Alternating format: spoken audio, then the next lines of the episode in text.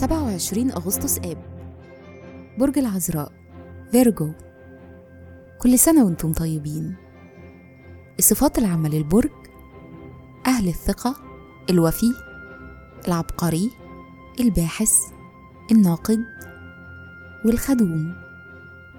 الكوكب الحاكم عطارد. العنصر التراب. الطالع في يوم ميلادكم. رحلة الحياة. لحد سن 25 سنة بيكون ذهنكم حاضر ومركزين جدا. أما من سن 26 فبيبتدي احتياجكم للشركة يزيد.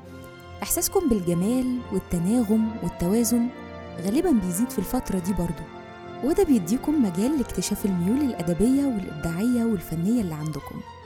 الشخصية طموحين بتشتغلوا بجد بتعرفوا تنجحوا ودايما بتسعوا إنكم تكونوا أحسن. أنتم محتاجين بس تتعلموا شوية الالتزام لأن ده هيساعدكم جدا في حياتكم. مهرة العمل بتكونوا في أحسن أحوالكم لما بتشتغلوا عشان قضية أو فكرة. وده معناه إنه بيناسبكم جدا العمل في مجال السياسة والتنمية ومساعدة المحتاجين. وعلشان بتحبوا تشاركوا معارفكم مع الآخرين بيناسبكم كمان العمل في مجال التدريس أو الكتابة.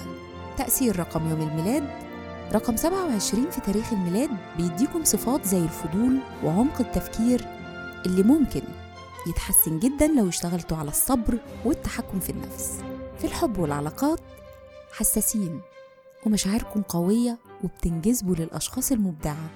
عندكم دراية كافية إزاي تعبروا عن نفسكم بالكلمات والأفكار.